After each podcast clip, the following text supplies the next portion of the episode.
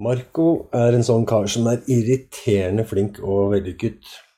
Han har spilt basketball på elitenivå i 18 år. Han har seriemesterskap og NM-gull, men har vunnet flest priser utenfor basketballbanen. Han ble årets forbilde på Idrettsgallaen i 2006.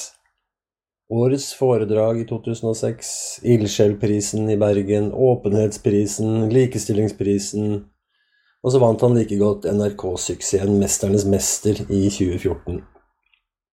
Han kom til Norge som palestinsk flyktning i 1987 og har landskamper for Norge. En ganske irriterende kar å ha på laget, syntes jeg tilbake på 90-tallet en gang. Jeg har et minne med deg som jeg på en måte følte ja, summerer opp hvem du er. Altså sånn I ettertid så har vi liksom summert opp hvem du faktisk er. Ja. Og det må ha vært en U23-22 U22 var vi tur til Wales, Ja. Skottland. Var det Wales? Det var Wales, ja. Ja. Jeg bare prøvde å google det for å finne resultater og sånn. Men øhm, jo, og det, jeg husker ingenting av turneringen og lagene vi spilte mot. Jeg bare husker at jeg, vi skulle varme opp til den første kampen. Ja. Uh, og da varmer man gjerne opp en halvtime før, og man kjører noen rekker og layups og tøyer ut sammen og sånn. Men, men for deg var jo det helt uaktuelt, for du var bare rett opp på tribunen. Mm. Og der, enten så kjente du noen, eller så ble du kjent med noen. Så Ja. Oppvarming ble det jo egentlig aldri på deg. Så tenkte jeg, hva er dette for noe? Hva er dette for en kar? Eh, bare forlater laget og drar opp og Men enten så hadde du noen du kjente der, kan du huske det? Eller var det Ja, det var, ja det, altså, det, vi, jeg ble jo kjent med folk. I første kamp, da hadde vi vært der et par dager. Å ja. ja. Så hadde jeg brukt et par dager, ja. Ja da, Og så hang vi jo med altså Lagene vi spilte med, jeg husker det veldig godt. Jeg har alltid hatt lang- gode kompiser. Vi spilte jo mot Sverige, som var en av de tre som Ja. holdt på å gå videre. Ja. Så var det Frankrike og Tyrkia, det var de tre som sloss om to plasser. da. Ja. Og så var det jo eh, Portugal, eh, Wales og oss. Ja. Så, så jeg ble veldig godt kjent med Frankrike spesielt, og, og Tyrkia, fordi eh, de bodde jo i nærheten av oss. Ja. Så jeg hang jo mye med, med de og ble kjent med de, og hadde jo veldig sånn lyst til å bli proff. ikke sant? Så Flere av de var jo proffe. Så jeg lurte på liksom, hva har dere gjort, og hvordan trener dere? Og søker hele tiden kunnskap. da. Ja, ja. Og de, det var så litt fascinerende å snakke med tyrkerne, som på en måte tjente opp mot 200 kroner i året, men tok alt ut i cash Ja. og, og, og gjemte det i huset.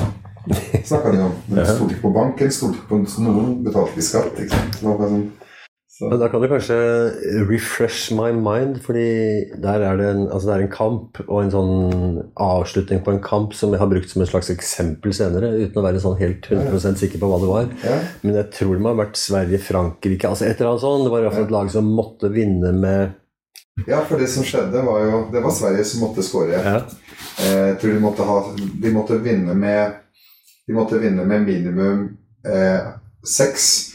Men hvis de vant med mer enn åtte eller ti, Mm. så røyk Tyrkia ut, som de Ja. som satt og så på. Mm. Så de var passive. Så var Frankrike-Sverige-kamp. Det stemmer. det. Og da, det første som skjer, er at han går opp og dunker på egen kurv. ja. Eh, og så får han teknisk feil. Og så bommer motstanderen med vilje, fordi de vil heller tape med to. ja.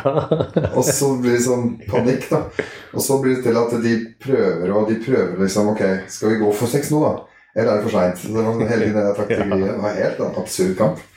Så Sverige hadde kvalikplassen i lomma. De lå, de lå på førsteplass på tabellen i et lite øyeblikk der. Og så raste de ned på tredje i løpet av liksom minutter. Det er helt Jeg husker i hvert fall den kampen, men jeg, og jeg har gjenfortalt den mange ganger, men eh, uten å være helt sikker på hva jeg har gjenfortalt. Så det var fint, det. Ja, det var riktig. Det der oppsummert. Men i hvert fall sånn der og da, i den situasjonen, så tenkte jeg det var utrolig irriterende at jeg har en kar som overhodet ikke var interessert i å varme opp. Men sånn i ettertid, altså når, etter å ha blitt bedre kjent med det, så skjønner jeg liksom hva det handler om. Og så tror jeg, nå husker ikke jeg hvor det står, er det på marco.no eller noe sånt noe, som eh, markedsfører deg som relasjonshøvding, eller du kaller deg det selv. Ja. Ja. Ja. Og det, det, er, ja, det er en bra greie, føler jeg. Absolutt. Ja. For det er vel, jo, men det er liksom det det handler om, da. Mm. Men la oss begynne på begynnelsen, da, fordi 70-76 og kom til Norge i 87. Mm. Og da hadde du vært innom Berlin. Ja. Og da, men og så rett til Kragerø. Rett til Kragerø fra Berlin, ja. Men hvordan, eh, hvorfor Kragerø? Altså, Hva er greia der? Det var nok litt tilfeldig. Faren min reiste i forveien, sånn som mange fedre gjør, for å liksom eh, ta støyten alene. Mm. Ikke dra med seg hele familien. Så, og så var det jo et annet aspekt. Det var at faren min ble Det var han som var på en måte Det var han som var mest utsatt av oss. Da, fordi PLO fant ut at han var i Berlin og hadde sendt en agent for å rekruttere ham tilbake. Så da hadde jo han klart å være i skjul i ti år, og så kom det plutselig en agent på døra, en gammel eh, soldatkollega som hadde fått i oppdrag å hente han tilbake. Og han møtte jeg. Jeg husker han veldig godt, for jeg kom inn i rommet da jeg var ni år. Eh, og så ser jeg faren min som bare umiddelbart kjefter på meg da, før jeg har rukket liksom å si noe. Så sier han 'Hvorfor kommer du inn sånn?' Og så smeller han inn kofferten. Eh, og så rakk jeg å se eh, at det lå pengestabler. da. Og hver gang jeg ser sånne filmer med pengestabler i kofferter, så er jeg tilbake i det der rommet. da. Ja. Og så har jeg seinere, via min onkel, mammas bror, da, som også var PLO-soldat sammen med faren min De to var sånne kamphaner. To sånne alfahaner som aldri klarte å komme overens. Alle i PLO visste at de to de, de hata hverandre. Ehm, han besøkte jeg i Sverige en gang, for da var jeg på, på leit etter eh, en del svar på hvorfor faren min var som han var. Mm. For å forsone meg med min barndom, da, for han var veldig streng. Han utøvde litt vold. Så det å forstå han og forsone seg med at faren min gjorde så godt han kunne, det førte da, da var jeg på en sånn på en reise, egentlig på oppdrag fra, fra min veileder da jeg begynte New Page og ungdomsarbeidet mitt, så sa han at du bør, du bør på en måte forsone deg med din historie og din, din far. Og det, var, og det gjorde jeg ved å søke kunnskap. Da. Så jeg reiste til Midtøsten og snakka med soldatkompiser. Han jeg reiste til Sverige og besøkte onkelen min. Og da fikk jeg vite om den historien hvor han bekrefta han soldaten, han kollegaen som kom for å hente faren din. Han eh, kom til meg etter at han var hos faren din og ga meg kofferten eh, full i penger. da, snakk om en million dollar i cash. Da, som familien skulle få mot at han kom tilbake. Eh, faren min var en av de store offiserene til Arafat. Men han hadde meldt seg helt ut av For det var ikke noen frigjøringskamp.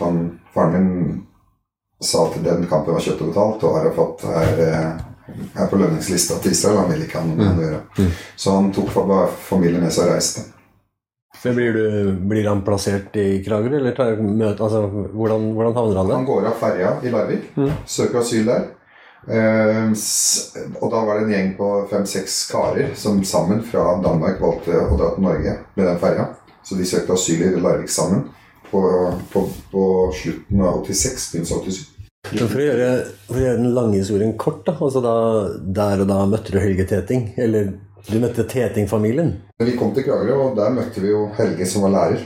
Eh, og som da hadde Som plutselig, av en eller annen grunn, så begynner han å, å organisere basketlek på, på eh, mandager og onsdager før skole.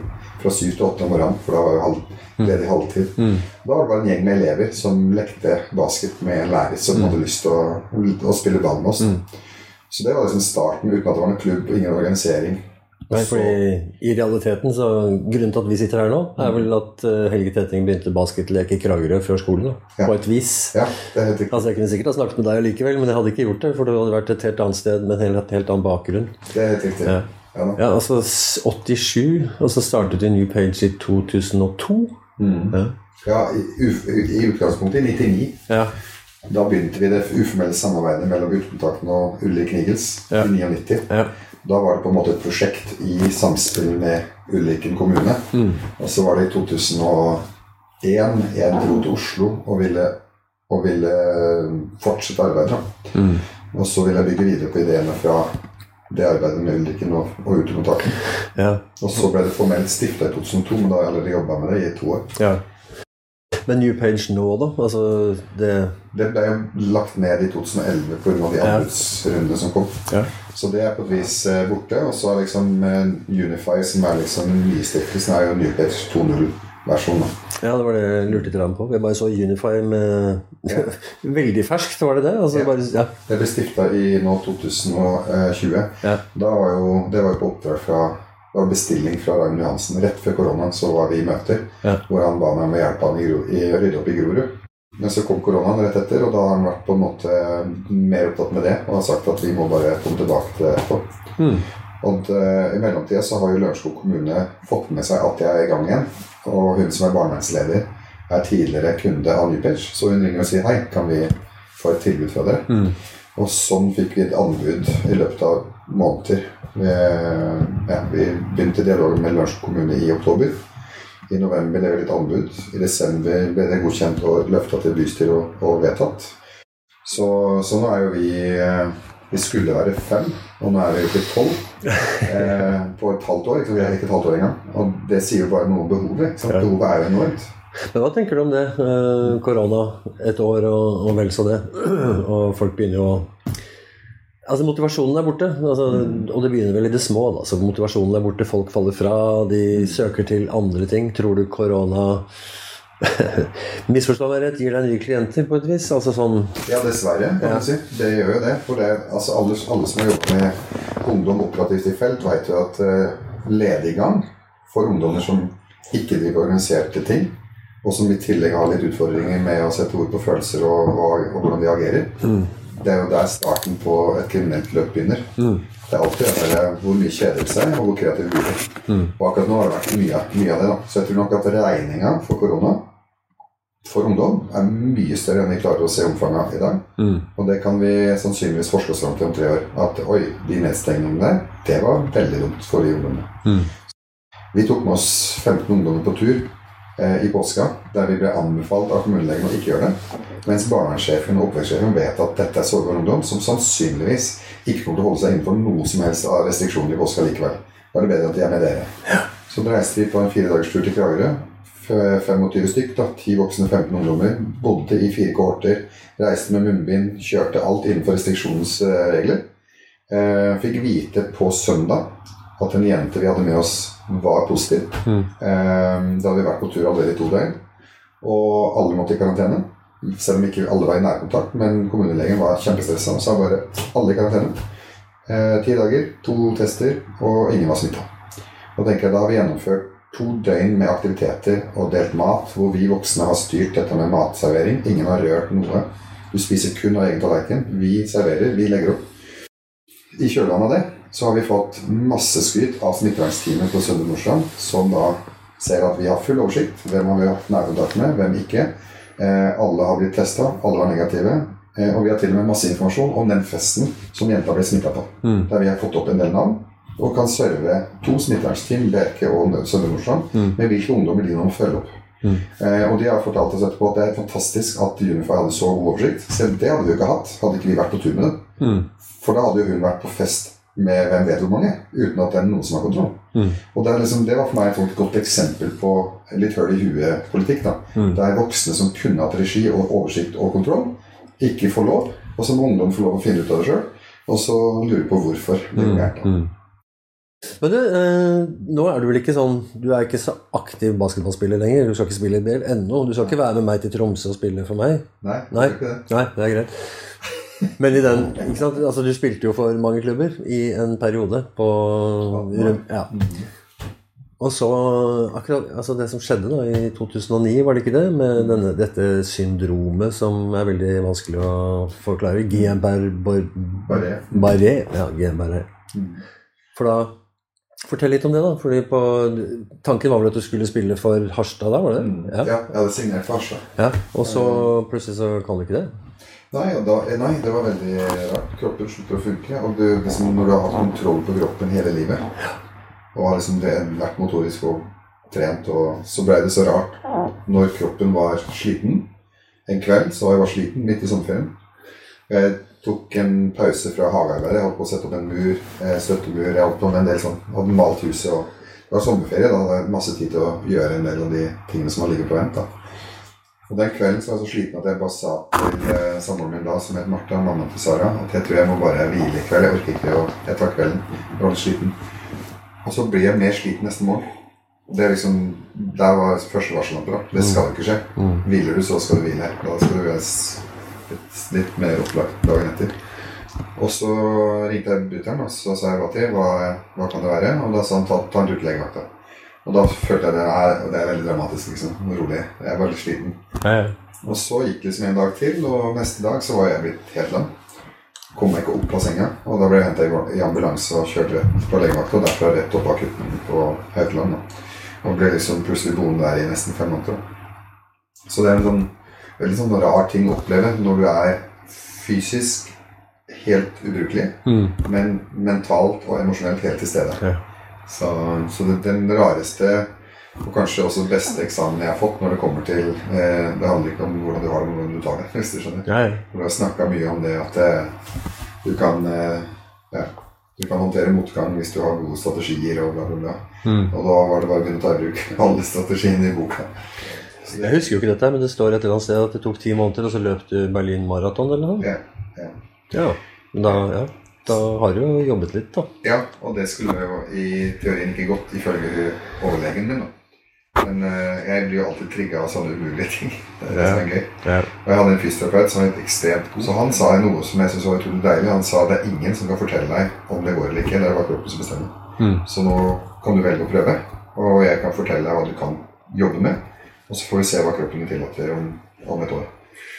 Og da var det veldig befriende å ikke høre på alle pessimister. Altså, han sa veldig rett. Kjør på, se hva kroppen tillater. Mm. Og da er det trening som avgjør. Mm. Og responsen. Så da gjorde jeg det, veldig disiplinert, og fikk veldig tett oppfølging av han. Eh, og, og ja, reiste til Berlin og testa. Og hadde på forhånd tenkt at greit, jeg har klart å løpe 12 km, det er langt bedre enn ingenting. Men hva om jeg klarer en halvmaraton? da? Mm. Så jeg var litt der i realismen.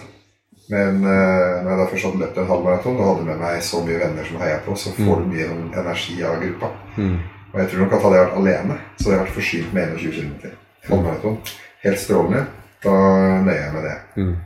Men så er det liksom det at det løper en kompis på hver side. Du har en heigjeng blant publikum som driver og flytter seg fem av gangen Mm. for, å, for å møte deg til neste matstasjon. Altså Det var bare så fantastisk å se hvor mye, hvor mye lenger viljen drar deg sammen. Mm. Eh, så, så det var for meg den mest billedlige laginnsatsen noen gang. Og når vi, når vi liksom eh, Når vi kom i mål, når jeg kom i mål, så var det vi. Ja. Vi satt under middagen og prata om at vi klarte det. Mm. Eh, og det var liksom et felles prosjekt som vi holdt på med i månedsvis med å forberede meg. Mm. Hvis jeg leser CV-en din, sant, så, så er det liksom høydepunkt på høydepunkt på høydepunkt. Eh, årets forbilde, 'Mesternes mester' i 2014, liksom, ja, fra det ene til det andre. Og sannsynligvis da, så vil jeg tro at det som har gitt deg størst oppmerksomhet, må jo være 'Mesternes mester' med over en million som ser på. Ja. Men er det, av alle disse tingene du har opplevd og klart og gjennomført, eh, er det noe som som har betydd mye for deg? Mest for deg? Altså Er det en sånn eh, ja, Er det en Ja. basketballkamp, eller er det Ja, en ja. Nei, det største øyeblikket tror jeg som oppsummerer eh, fokuset, spesielt for faren min, da, på, på det som jeg har lyst til å, å bringe inn i NIF nå, det er det der ekstreme, litt sånn nerdete fokuset på lagspill. Spill gjerne gode, og jobb hardt. That's it. Det er det han ville at jeg skulle gjøre. Han målte meg aldri på noe annet. Det var det han ga meg feedback på, det var det han stilte spørsmål rundt. Og han ignorerte resultatene. Han ignorerte om vi vant eller tapte, om vi skåret to eller ingenting. Han var opptatt av Ga du alt? Er du stolt av det? Bommer du på straffe og føler deg som syndebukken i fotballen sånn som ungdom? Så spurte han bare men bomma du med vilje. Nei, fint. Du gjør så godt du kunne. Ingen kan forvente mer av deg selv. Ikke forvent mer av deg selv heller. Alle bommer. Det går fint. Det er lov å være lei seg for det. Men gjør så godt du kan. Neste straffe prøver du å sette like godt som du prøvde nå. Og sånn kunne han snakke meg gjennom nederlag, sånn at ikke nederlaget ble, ble på en måte bare oppsummert med 'jeg bomma, jeg er dårlig, jeg suger'. Som jeg tror veldig mange driver og gjør, Man må straffe seg selv. Så jeg fikk en del sånne aha-opplevelser gjennom dialogen med faren min. Sånn at når vi vant NM-gull Ingen SMS-er, ingen gratulasjoner, ingen oppmerksomhet fra fatter'n. Han Vant NM-gull nummer to, NM-gull nummer tre. Altså Jeg har hatt 18 år i Eliteserien, fem NM-gull, til fire seriegull, Mesternes mester. Jeg får, jeg får ikke en gratulasjon av han. Han gir meg null oppmerksomhet konsekvent, for det bryr han seg ikke om. Men så vinner jeg sant, årets forbilde på idrettsgallaen. Da, da sender han melding og ringer med en gang. Og vil ha bilde av meg og den glasskula. Det var han kjempestolt av. For da liksom, det var den prisen han egentlig ville at jeg skulle ha. Du er en rollemodell. Hvis du blir løfta fram for det, det er jeg stolt av. Så det bildet som jeg sendte han da, med meg og den kula og kong Harald, for vi var på sånn så jeg fikk en selfie med kong Harald, det laminerte han i A4-størrelse, dårlig, dårlig oppløsning. sånn A4, lamin, hardplass, laminasjon, og så heiv han det i dashbordet på bilen kjørte rundt med det som et sånn parkeringskort i månedsvis sammen med. Og så blir det sånn skikkelig sånn Pappa, kan du ta vekk det bildet? sånn nei, sønnen min og kongen og forbildet, det vil han. Han. Men alt det andre driter han i. Og det er litt sånn han er, da.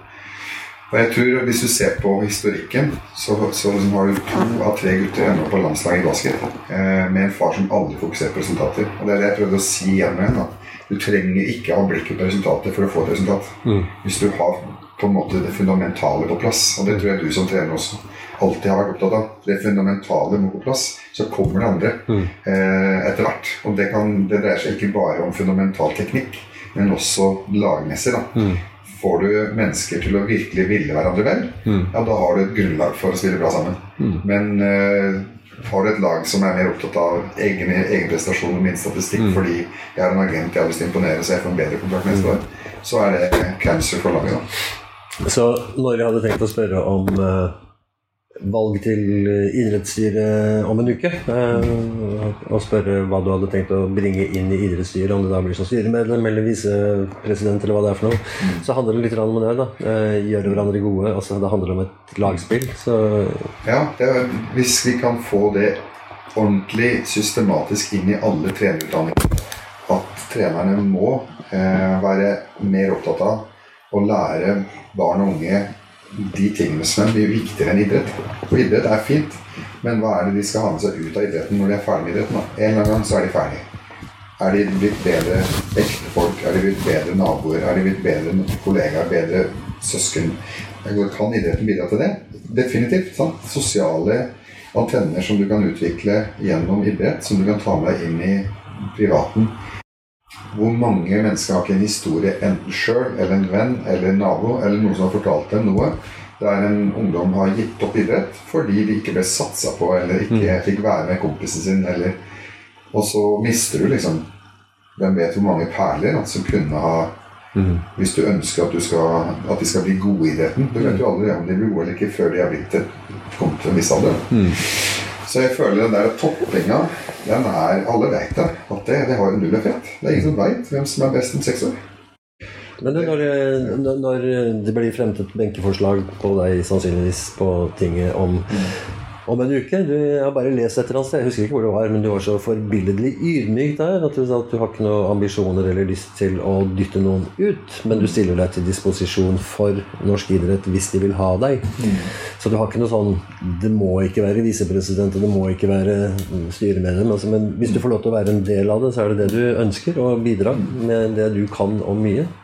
Ja, og jeg har også sagt at jeg har ikke dårlig tid. Men eh, når, når jeg får vite via media at de anser meg som ikke eh, rutinert nok fordi jeg ikke har nok styreerfaring sånn det. Mens Når jeg har sittet i styret siden jeg var 15 år, så blir det litt sånn Men hvor mye veit du om meg da? Fordi da har du ikke sett på CV-en min ordentlig. Jeg har eh, hatt styreverv nesten hele livet. Jeg har sittet i regjeringsutvalg i tre-fire forskjellige runder. Seks og et halvt år i justisministerens eh, kriminalitetsforebyggende råd. Eh, jeg har aldri sittet i NIF-styret, og det regner med at ingen de andre har heller når de begynner. Sånn at hvor mye kunnskap og erfaring kreves det for, for å være kvalifisert? Jeg tror det er veldig få som har ekstremt mye mer tyngde enn meg. liksom. Jeg føler ikke at det er den mest urutinerte jeg kom som kommer. Og når hun da sier Grete at uh, det er veldig krevende å sitte i NIF-styret uh, Det sier hun samme uke som jeg på mandag har en akuttstasjon med 14-åring som banker moren sin. På onsdag har vi knivstikking blant to 14-åringer. På torsdag skal vi avverge en hevnaksjon på 14-åringene. Og på fredag en 17-åring som truer faren sin med kniv, som vi må stoppe og håndtere. Og på søndag så får vi overhodet en pistol av en 14-åring som vil ut av gjengen. Det skjer på én uke i mitt liv. Og den uka så sier hun jeg tror ikke, jeg tror, altså, det er veldig krevende å sitte i NIF-styret. Da, da blir det, sånn, det blir jo litt komisk. Ja. Eh, jeg kommer nok ikke til å sitte som 100-åring og se tilbake på livet og tenke at NIF-styret er det vanskeligste jeg har vært med på. Av det jeg har opplevd. Det, det er ikke, det, altså, Vær heller ærlig, da. Sant? Ringer du meg og sier Marco, vi har så gode kandidater, det har vært korona, vi vil gi dem to år til. Ærlig sak. Supert. Det er klart det. Jeg kan vente, jeg. Jeg har ikke noen ambisjoner om å dytte noen hit eller dit. Men når jeg blir spurt av basketpresidenten vil du stille deg disponibel, så svarer jeg ja. Og, ja. og Jan Henrik er jo en fantastisk fyr som sier nei, dette finner vi oss ikke i. Ikke? Skal vi, skal vi kjøre på? Og da svarer jeg hvis du tenker at det er riktig, så er jeg med. Og han har vært, han har vært veldig fin på det. At han Sondre, som også da er innstilt som, som visepresident, han eh, vil jo ikke bli dytta ut, han vil jo være i styret.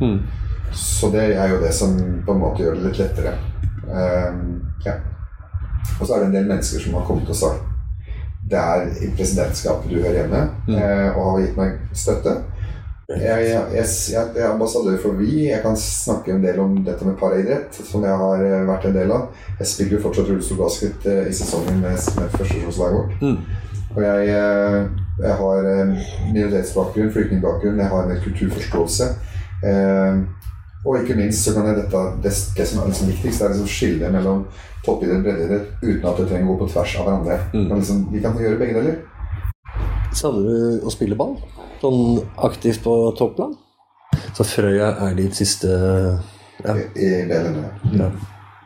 Så da fikk vi vel NM-gull i jeg husker i 2012, tror jeg. ja. jeg tror det. Og da sa du 18 år? Eller? Mm. Ja. 18 sesonger. Mm.